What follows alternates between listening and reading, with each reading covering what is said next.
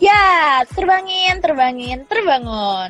Assalamualaikum warahmatullahi wabarakatuh. Selamat datang di Kreatox, podcastnya terbangin. Yuhu, gimana nih kabarnya para pendengar semua? Semoga selalu dalam keadaan sehat, bahagia, dan selalu produktif ya. Amin. Dan jangan lupa, walaupun udah new normal kayak gini, tetap harus patuhi protokol kesehatan, cuci tangan yang rajin, pakai masker, terus jangan kumpul-kumpul dulu ya harus uh, benar-benar masih uh, ini ya nyentuhin atau ngikutin protokol kebersihan. Jangan hilaf, jangan lupa antar berabe gitu. BTW BTW ini podcast hari ini nih ada Froski dan ada Caca. Yang kita sama-sama masih rekaman di rumah masing-masing ya. Aku di kosan teh, aku udah di Nangor. Oh iya bener, oh iya bener. Di Nangor ya Cak ya? Betul. Sudah kembali menjadi Nangorian ya. Gimana nih Cak di Nangor? Gimana kabarnya? Aman nggak? Alhamdulillah aman sih teh. Tapi gitu oh, rame, walaupun gak ada mahasiswa rame, rame sama warga lokal. Kok teh Pura gimana di rumah? Di rumah Bandung Barat sih kalau aku ya. Ini masih kehidupan sudah mulai menjadi sangat-sangat normal. Jadi maksudnya tuh ya orang-orang lain keluar rame banget gitu. Ya btw teh, hari ini tuh hmm. kita mau bahas apa nih?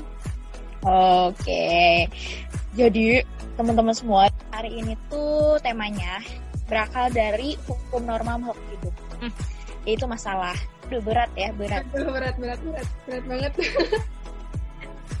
nah, jadi uh, kalau misalkan kita bahas masalah manusia secara umum tuh sih kayak abisin banyak banget ya podcast selama setahun. Jadi kayak banyak banget karena masalah tuh luas banget. Makanya hari ini kita bakal uh, bahas masalah yang mengerucut, yaitu masalah yang dialamin sama aktivis sebagai dakwah kampus atau fakultas gitu Ca dan pendengar. Oh, wow, seru tuh teh.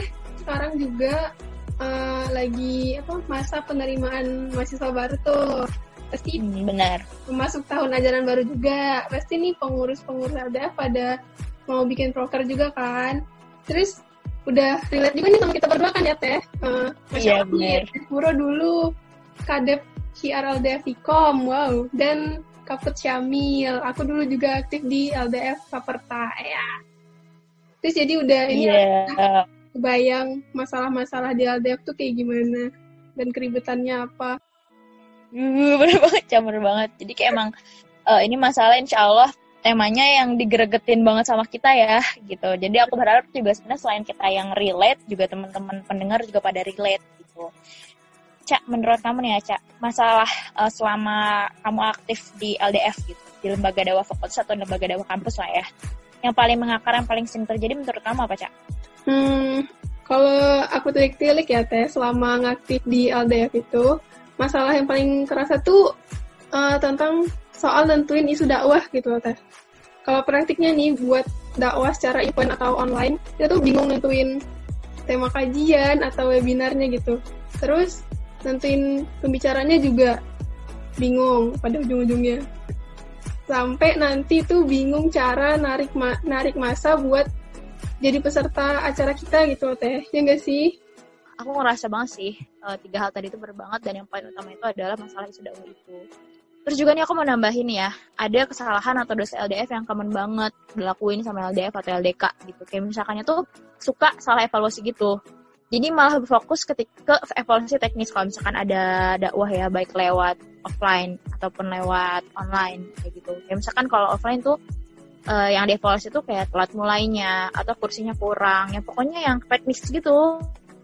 Uh, kalau misalkan online juga sama kayak misalkan uh, bahasa dan sebagainya gitu-gitu. Tapi oh, iya, lupa iya. kalau iya uh, jadi kayak sampai lupa dengan evaluasi yang paling penting yaitu adalah dampaknya. Dampak gitu yang paling penting apakah acara ini atau apakah uh, ya acara inilah ya dari awal sampai hari H tuh sudah memberikan dampak pada audiensnya atau belum kayak gitu. Jangan-jangan kayak cuma asal bergerak doang hanya di hanya demi memenuhi indikator keberhasilan yang kuantitatif. Hmm. yang tadi ya uh, misal pesertanya sekian orang lah gitu. Lupa dengan niat dan tujuan kenapa acara itu diadakan. Jadi nggak pakai indikator kualitas. Kalau indikator kualitas tuh biasanya ini ya teh ya kesesuaian latar belakang pembicara dengan tema, terus kebutuhan audiens dengan tema. Nah, dua yang tadi itu paling mendasar kan ya Teh? Makanya kenapa sebelum acara tuh butuh riset kalayak dulu biar dampak acaranya ini maksimal buat audiens kita. Iya bener bener banget kayak gitu bener-bener. Kayak riset tuh penting banget gitu. Sebelum ada uh, bikin dakwah apa pun harus riset dulu gitu. Periksa dulu lah ya, cek dulu gitu gejalanya, baru tentukan masalah, baru tentukan obatnya. Iya, jangan kayak pengen ngobatin flu tapi pakainya Promax. kayak Promax bilang, ini bukan job desk gue ya Allah. caca, caca, dasar. Inspirasi dari ya, bener, kayak... tuh teh. Iya bener-bener bener kayak gitu. Kayak terus ya nih masalah bingung milih tema ini tuh masalah bingung milih tema atau isu ini tuh ternyata tuh berdampak pada fenomena-fenomena semacam yang pertama tuh uh, tema atau topik dipakai sama banyak LDF kayak gitu.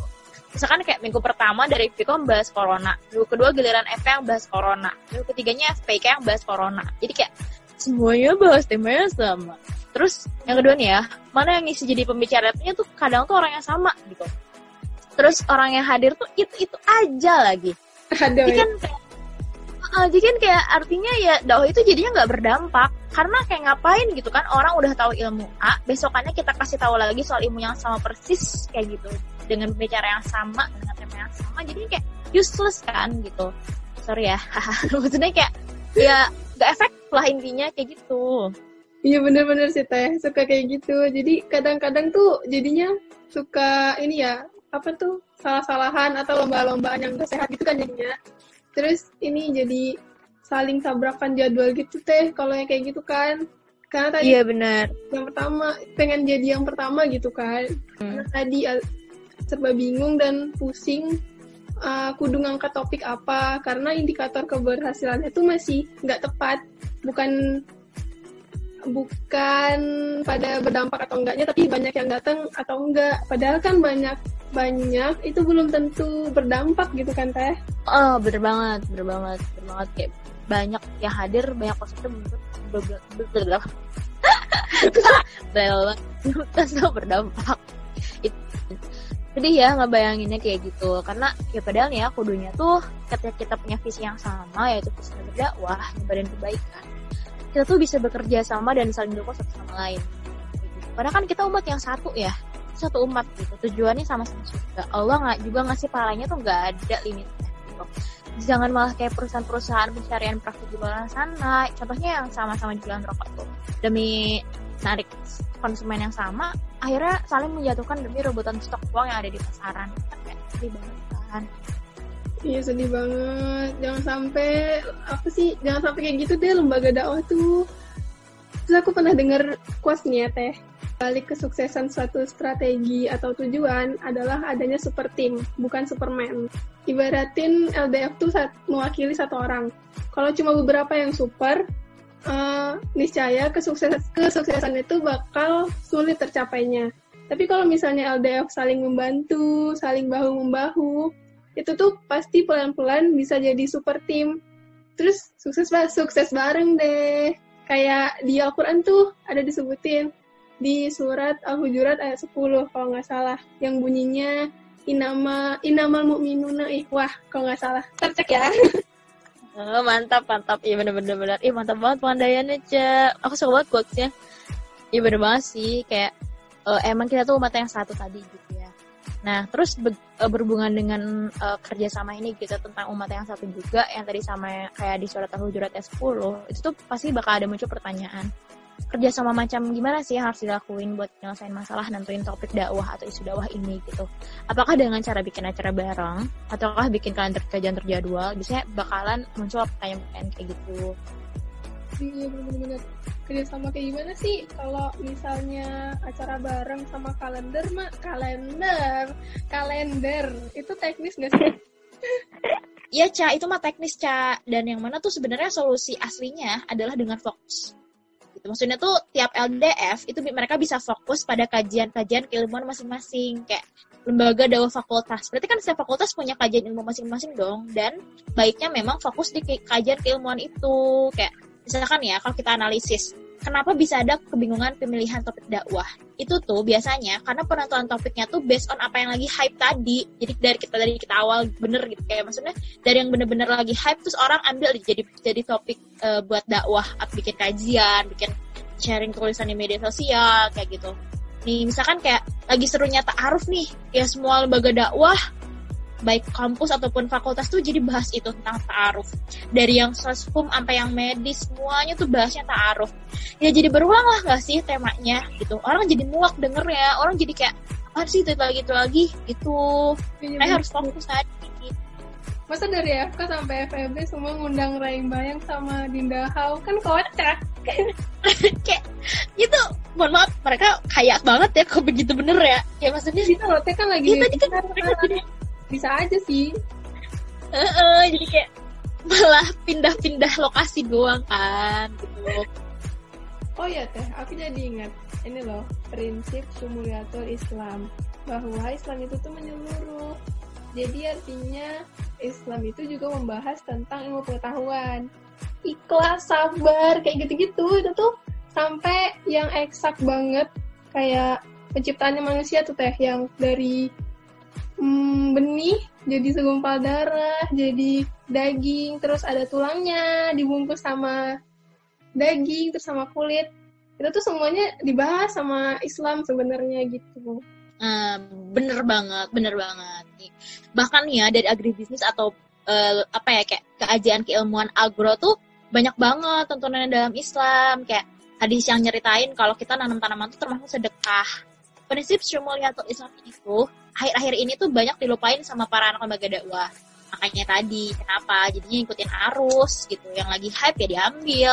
Gak lihat bahwa tema tema itu tuh kadang nggak maks, agak maksakan gitu. Bahkan kayak kadang tuh nggak sesuai dengan target dakwahnya. Ya mereka nggak nggak riset juga gitu kan. Dan dan kayak karena hype tadi dijadiin bahan kajian terus berulang lagi oh my god kayak gitu terus aku kebayang deh kalau misalnya lembaga dakwah tuh ngebahas kajiannya masing-masing. Pasti manfaatnya bakal banyak banget. Kayak gak ada lagi tuh yang bakal rebutan topik. Atau misalnya kayak LDF Paperta sama Papet itu bahas kajiannya masing-masing. Kayak Paperta nih bisa bahas buah-buahan yang pernah disebutin di Al-Quran kan banyak tuh. Bisa bisa jelasin hmm. kasihnya apa. Atau kayak uh, ternyata di dalam pertanian tuh juga diatur loh akidah eh akidah akhlak-akhlak dalam bertani itu juga diatur sebenarnya dalam Islam gitu teh. Terus juga selain itu fisip nih. Fisip tuh juga bisa bahas cara berpolitik. Gaya Nabi atau Khulafaur Rashidin itu kan panutan banget tuh gitu. Keren banget. Bener bener bener bener bener bener bener. Oh Fikom. Fikom tuh bisa bahas tentang cara menginfluence versi para sahabat Nabi gitu kan dakwahnya keren banget tuh terus juga tapi bisa bahas hubungan mental health sama iman kita gitu kan ada lagi nggak cak? Ih, kayak ini tuh kalau orang yang denger ya, orang orang yang denger podcast kita tuh bisa lah sambil dicatat tuh kan tema-tema dari Caca sebutin tadi tuh mantap banget. Aku lupa teh apa yang aku bilang tadi. ya pokoknya itu tadi banyak ada yang fisik lah, ada yang apa Viko, Papsi, kayak gitu. Dan ini tuh bikin kepo sih pasti kalau beneran terjadi kayak gini ya beneran semuanya. Semua fakultas itu mereka fokus sama kajian keilmuannya masing-masing. Kayak banyak banget kan topik kajian yang sebenarnya bisa diambil dari bidang ilmu setiap fakultas gitu. Dan pasti tuh kalau kayak gini target dakwah tuh akhirnya bisa jadi bisa makin kaya informasi. Jadi kalau kalau misalkan mau tahu soal psikologi manusia ya ke lembaga dakwah FAPSI gitu kan ke LDF-nya FAPSI. Kalau misalkan ada yang mau tahu soal tadi gitu tanaman-tanaman akhlak bertani itu bisa ke Paperta kayak gitu kan. Jadi oh. uh, gampang juga terbranding juga kan akhirnya LDF-nya dan buat kita juga buat para aktivis gitu jadi lebih mengenal bidang ilmunya. Kalau misalkan dilihat dari sudut pandang Islam jadi kan biasanya kita kalau belajar tuh ya dari sudut pandang keilmuan biasa kan uh, tapi kurang ada Islamnya. Kalau misalkan kita beneran ngebahas soal uh, kajian ilmu dari sudut pandang Islam kan secara aktivis juga jadinya lebih cinta sama Islam ya nggak sih? Iya bener-bener keren banget dah kalau misalnya kayak gitu tuh. Uh, nggak jadi menarik gitu teh. Terus LDF juga ini jadi kerjasama gitu kan sekaligus berlomba-lomba dalam kebaikan. Jadi kayak spesialis spesialisasi gitu loh dalam bidang ilmu masing-masing kayak Faperta tuh uh, spesialis tanaman. Uh, gitu loh. Bener-bener bener banget jadi kayak tadi kan makanya jadi terbranding juga kan setiap LDF gitu. Kalau orang mau nyari mau nyari apa tentang tema apa tinggal udah tahu gitu harus ke LDF mana. Jadi orang nggak akan pusing lagi gitu kan. Itu bagus juga sih dan kalau misalkan kayak dibikin kalender nih ya. Misalkan hari Senin itu ada kajiannya dari FAPSI misalkan hari Selasa dari FH misalkan. Jadi kayak orang tuh udah udah bikin udah bikin jadwal gitu loh kalau gue mau tahu soal apa udah tahu harinya. Jadi kayak gak akan rebutan lagi kan kalau udah kayak gitu. Audiensnya juga jadi lebih terkhusus dan dan akhirnya audiensnya juga nggak cuman si anak fakultas itu tapi bisa semua orang dan umum gitu dan anak kampus dari fakultas mana pun bisa ikutan yang mau tahu gitu misalkan tentang uh, hukum hukum dalam Islam misalkan kayak gitu itu bisa ikutan di uh, kajiannya FH gitu gak sih? Jadi kayak bagus banget sih dan gak rebutan lagi ya iya ya bener banget. Ini tuh ide yang cerdas banget sih. Terus yang paling penting, ini tuh bisa menghasilkan uh, cendikiawan cendikiawan, nah cendikiawan cendikiawan muslim yang baru, yang berilmu, ber, berilmu, beriman, berakhlak, terus juga siap buat uh, memberi solusi buat masyarakat. Keren sih emang sih keren banget bener banget. Itu kerja cerdas LDF banget. Bener banget sih kata kamu. Jadi ntar di masa depan tuh yang jaya adalah maksudnya uh, kita kan pasti ya tahu ya bahwa Islam tuh bakal berjaya. Dan yang berjaya adalah anak-anak LDF tadi yang mereka tuh bisa mempraktikkan ide tadi bahwa harus fokus sama kajian ilmuannya amin ya Allah. Dan jaya. Amin. Amin. Nah, terus aku jadi inget deh teh. Banyak ilmuwan-ilmuwan muslim tuh dulu mereka tuh spesialis gitu loh dalam ilmunya kayak aku banyak banget baca buku yang yang ngebahas ilmuwan-ilmuwan ini. Kayak di era kejayaan Islam dulu pas masa uh, Dark Age-nya Eropa. Kita kan Golden Age tuh karena banyak melahirkan apa muslim-muslim ya muslim-muslim cendikiawan muslim yang berkualitas dan terspesialisasi gitu dia dalam bidang ilmunya. Hmm, bener bener bener bener bener. Aku juga pernah baca kayak gitu cak, bener. Jadi kalau misalkan aku pernah baca tuh ya, bahwa kalau landasan para ilmuwan ini tuh membuat karya, ya baik tulisan ataupun misalkan kayak alat percobaan gitu tuh karena mau membuktikan firmannya Allah dan hadis Rasul yang pasti gitu. Dan bener. banyak tau yang kayak gitu. Uh, yang paling aku inget nih ya, uh, yang ini tuh apa namanya bikin konsep pesawat terbang. Namanya tuh adalah Abbas Ibnu Firnas. Oh, kalau gitu. salah nih, uh, tahu kan itu kan? Kalau salah dia tahun 852 Masehi kalau nggak salah. Dia bikin konsep pesawat terbang sampai dia sampai bikin sampai terbang sampai sini sampai bikin uh, percobaan gitu sampai terjun dari ini terjun dari dari tempat tinggi gitu. Nah beliau itu adalah tokoh pertama yang menggagas konsep pesawat terbang Nah, kekepoannya itu, jadi kenapa dia akhirnya bikin konsep pesawat terbang? Karena dia tuh kepo sama tafsir surat An-Nahl ayat 79 tentang burung-burung yang terbang di angkasa. Kayak dia mikir kali ya, kok bisa sih burung terbang di angkasa? Kenapa bisa kayak gitu? Apa sih yang bikin dia bisa terbang? Nah, makanya nih, kemudian konsepnya ini tuh akhirnya menginspirasi Wright bersaudara untuk mereka membuat pesawat dan akhirnya berhasil menerbangkan pesawat pertama kali. Jadi sebenarnya dalam sejarah yang pertama kali menggagas konsepnya itu adalah Abbas Ibnu Firnas ini. Dan memang benar gitu yang yang kalau yang pertama kali menerbangkan emang Wright saudara. Cuman yang pertama kali menggagas adalah orang muslim gitu. Yang pernah dengar kayak gitu sih. Jadi ini ya inspirator orang-orang Eropa sono hmm, bener banget bener banget. Makanya kan tadi bilang lagi pas Eropa lagi dark age kita lagi golden age gitu kan. Jadi ketika udah ada di kayak ilmuwan kita tuh udah banyak banget ilmu-ilmu kita akhirnya dipakai uh, sarinya atau konsepnya sama orang-orang Eropa. Nah ada lagi nih teh selain Ibnu Firnas tadi. Uh, mungkin udah pada tahu ya ini tuh ada tiga tokoh lagi yang dari Turki. Mereka ini sama-sama hidup di abad kalau nggak salah abad 15 sampai abad 16 nah ketiganya ini kan ilmuwan teh tapi beda-beda gitu ilmu yang mereka dalami. Jadi masing-masing tuh mereka spesialis gitu kan. Nah ilmuwan yang pertama itu namanya ini Turki banget ya Allah. Uh, lidahku bukan Turki jadi mohon maaf. Namanya Sarah Fedin Sabonjolu. Jadi beliau ini tuh lahir pada tahun 1385 tunggu sebentar. Kayaknya salah Ya, lahir pada tahun 8, 1385 dan meninggal pada tahun 1458. namanya Turki banget emang ya. Pasti susah diapalinnya sih. Iya. kayak nama asli saya. Hahaha apa sih? Intermezzo intermezzo oke lanjutin gimana cak? Jadi Bapak Ferdin ini salah seorang ahli bedah pada zaman itu. Jadi terus beliau tuh juga ini bikin buku textbook untuk dunia bedah gitu teh. Nah judul Hmm. bukunya nih oke judulnya ini lagi Turkis lagi. Bentar. Nanti kita minta tolong kepada Mbak Google. Coba dengarkan. jangan lagi lagi ya Kedengeran gak teh? Oke oke. Jadi itu bahasa Ya. Turkinya gitu. Kalau bahasa Inggrisnya tuh Imperial Surgery. Oh, waduh mantap ingat tentang bedah kan? Surgery. Terus benar biasanya pas tentang bedah karena surgery tadi. Tentang bedah, prosedur bedah, sayatan, terus instrumen dalam dunia medis, gitu teh. Terus juga beliau ini, Bapak Ferdin ini tadi, itu juga menggambarkan tusukan toraks melalui ruang interkostal dan lainnya, gitu. Aku agak nggak paham, sih, cuman gitu teh. Terus Heeh. sampai meninggalnya pun itu masih aktif jadi dokter di rumah sakit eh, di Turki. Nama rumah sakitnya tuh Der Ashifa, gitu. Der Ashifa. Oh, oh iya iya Dar Ashifa ya. Dar Dar Ashifa. Ah, iya tahu tahu. Kamu ngomongin soal Pak Fedin. Jadi jadi sok-sokan gitu Pak Fedin jadi kayak di Indonesia Indonesia gitu ya.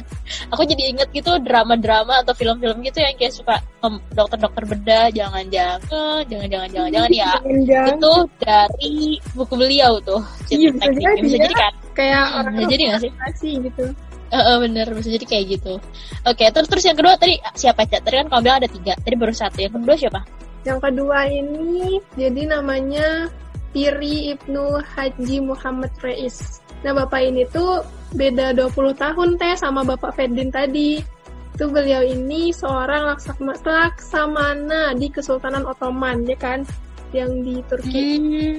Nah, kan Bapak Piri ini seorang geografer sama kartografer nih teh. Jadi beliau itu eh, membuat peta yang paling lengkap pada masa itu. Wow. Jadi beliau Wow. bikin peta eh, peta dunia baru sama peta Afrika Barat yang yang dibuat pada tahun 1513 kalau tidak salah. Hmm. Terus peta ini tuh kalau mau dilihat tuh ada di bukunya tuh buku yang terkenal dibuat sama dia judulnya aduh mohon maaf pergi lagi ya. enggak enggak Turki banget sih bisa ini bisa jadi judulnya tuh kitab Kitabi Bahriye hmm atau Widih. bahasa Inggrisnya itu Book of Navigation Wede, mantap, mantap. Kayak kayak aku pernah denger gitu deh. Eh, aku pernah sempat baca gitu kalau Book of Navigation ya. Mm-mm. Kayak ini gak sih petanya tuh yang ngegambarin wilayah Amerika gak sih? Yang kalau nggak salah nih ya, sampai dibilang bahwa itu tuh the famous map of Ameri- Amerika. Benar. nah The itu famous map gitu gitu of kan kan keren kan Benar. Ih, ih, oh my god. Sampai dapat label kayak gitu tuh keren banget, badas banget sih, badas banget sih. jadi bangga gitu aku jadi seorang muslim Wuhu. Aku juga bangga. Nah, yang terakhir nih Teh, beliau ini seorang ilmuwan di bidang astronomi. Kan beda tuh yang tadi, yang pertama tuh di bidang kedokteran, bedah. Terus yang kedua Mm. di bidang geografi sama kartografi. Dari Heeh. geografi. Yang terakhir ini astronomi, beda banget.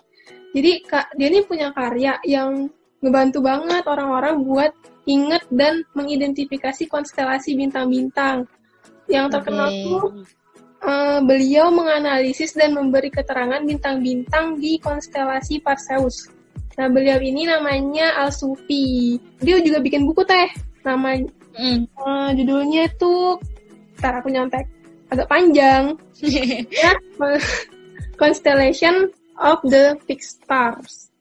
Tapi kamu nyebutin Perseus ya, itu tuh nama pahlawan Yunani gak sih? Iya Dan benar-benar. kalau nggak salah nih, aku pernah aku pernah baca juga nih di satu di satu website ya. Eh, kalau nggak salah tuh bentuk konstelasinya tuh kalau dilihat sama orang-orang Yunaninya kayak digambarin sama mereka tuh Perseus dia lagi megang pedang sambil megang kepala Medusa. Soalnya emang Perseus ini tuh dikenal sebagai pahlawan yang eh, membunuh Medusa itu loh si eh, Gorgon yang berkepala ular. Oke, okay. gue gue suka mitologi sih jadi kayak tahu gitu. Dan Angsuf ini berarti mereka ya mereka sorry Angsuf itu berarti dia menerjemahkan ke bahasa Turki Arab pada saat itu ya berarti ya? Iya teh. Terus nih uniknya ya di buku Al-Sufi ini di bukunya Al-Sufi itu menggambarkan Perseus mem memakai jubah orang Iran pada abad 15 dan memegang kepala monster macan. Kan tadi Teteh bilang dia memegang apa? Kepala Medusa. Medusa. Tapi kalau di sini tuh dia memegang kepala uh, monster macan gitu. Terus dia juga dia maaf maaf. Terus uh, Al Sufi ini tuh memperjelas keterangan tiap bintang di konstelasi itu gitu kan. Mantap kali ya. Unik ya, unik ya bener ya. Kayak Perseus rasa orang Iran gitu. Iya bener. Pakai baju Iran. eh BTW, BTW Cak nih. Ini pasti banyak yang ini pendengar pasti pada banyak yang kepo sih. Kamu baca dari mana aja sih? Sumbernya dari mana, mana aja sih, Cak? Biasanya kamu kalau baca kayak beginian? bentar, aku nyontek. Aku agak lupa sih, Teh. Bentar ya. Ya, sok, sok, sok. Ini ada dari jurnal sih aku dapat. Hmm. Hmm, judulnya Contribution of Muslim Scientists to the World yang ditulis sama Dr. Muhammad Adil Ari Afridin dari International Islamic Islamic University Malaysia. Orang Malaysia teh. Terus ada dari website aku dapat. Uh, judulnya The Annals of Thoracic Thoracic Surgery. Mohon maaf. Hmm eh, halamannya tuh halaman. Alamatnya tuh anasdethoracicsurgery.com widi mantul. Itu tuh yang tadi yang website ini tuh tentang Pak Sarifuddin tadi Pak Fedin mm-hmm. terus juga banyak sih sumber-sumber di buku juga. Di Google juga ada. Hmm, bener benar-benar benar-benar benar benar di Google juga banyak sih benar-benar dan aku mau nambahin dong cak sering juga sih kayak uh, selain dari buku-buku atau dari website website itu tuh ada satu festival ya di Turki dan ada websitenya juga namanya tuh uh, ditulisnya ya 1001inventions.com. Oh. Jadi 101invention.com itu tuh kayak festival tentang ilmuwan-ilmuwan muslim dari abad dari berabad-abad yang lalu dan itu tuh dari mulai Spanyol sampai ke Cina. Jadi kayak mereka tuh ngebahas bener-bener ilmuwan muslim yang pernah ada tuh mereka bahas. Itu ada festivalnya gitu, Ca, di Turki. Sumpah deh, aku pengen ke sana deh. Wah, mantap. Tuh, mantap banget. Asli, kamu dicek dah ininya websitenya. Di situ banyak banget oh. informasinya. Aku pernah lihat di filmnya doang. Yang seribu hmm. ini tuh. Yang kartun ya?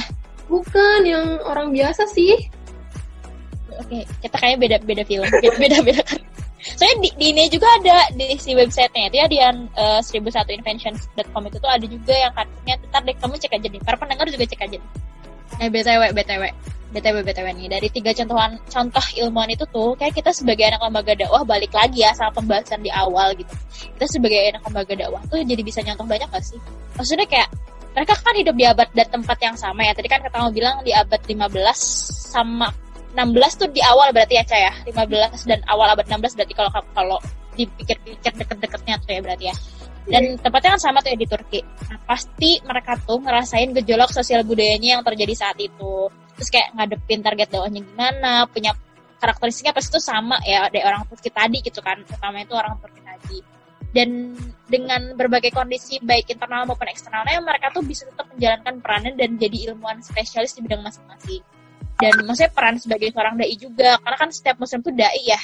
Dan nama mereka tuh bahkan sampai harum sampai saat ini. Dan itu tuh keren banget. Mereka tuh adalah contoh bahwa bener gitu tadi tuh dakwah tuh bisa lewat ilmu gitu dengan kita fokus sama spesialisasi kajian keilmuan kita.